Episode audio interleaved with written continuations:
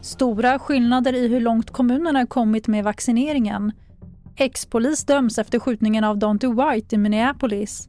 Och ambulanspersonalens utsatthet för hot och våld fortsätter öka. Men TV4-nyheterna börjar med det senaste gällande tågtrafiken. Ett elfel har orsakat stopp mellan Varberg och Hamra. Alla tåg mellan Göteborg, Halmstad och Malmö påverkas, skriver Trafikverket. Enligt Västtrafik kan ett 60-tal tåg påverkas av stoppet som väntas pågå fram till i eftermiddag och ersättningsbussar har beställts. Det är, det är en, en lina som håller upp kontaktledningen som har gått av, en så kallad bärlina.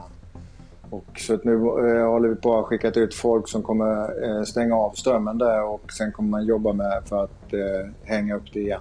Så säger Bengt Olsson, Trafikverket.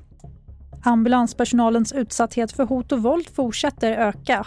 I Region Stockholm görs en anmälan om hot eller våld vid utryckning varje vecka. Samtidigt är sekretesslagstiftningen en käpp i hjulet för åtgärder som personalen själva hade velat se för att öka sin trygghet. Man kan ju anta att det handlar om att det är en ökad frekvens men det kan ju också bero på att man har bättre rutiner för att anmäla helt enkelt. Säger Caroline Olsson, avdelningschef på SKR. Den tidigare polisen som sköt ihjäl 20-åriga Dante White i samband med en trafikkontroll i Minneapolis döms för dråp.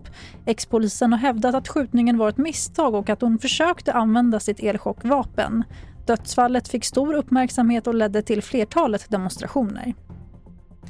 Och det är fortfarande stora skillnader i hur långt kommunerna i landet kommit med vaccineringen av befolkningen.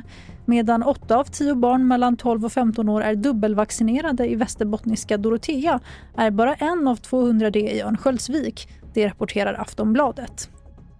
Fler nyheter hittar du i TV4 Nyheternas app. I studion Tannas Edalat.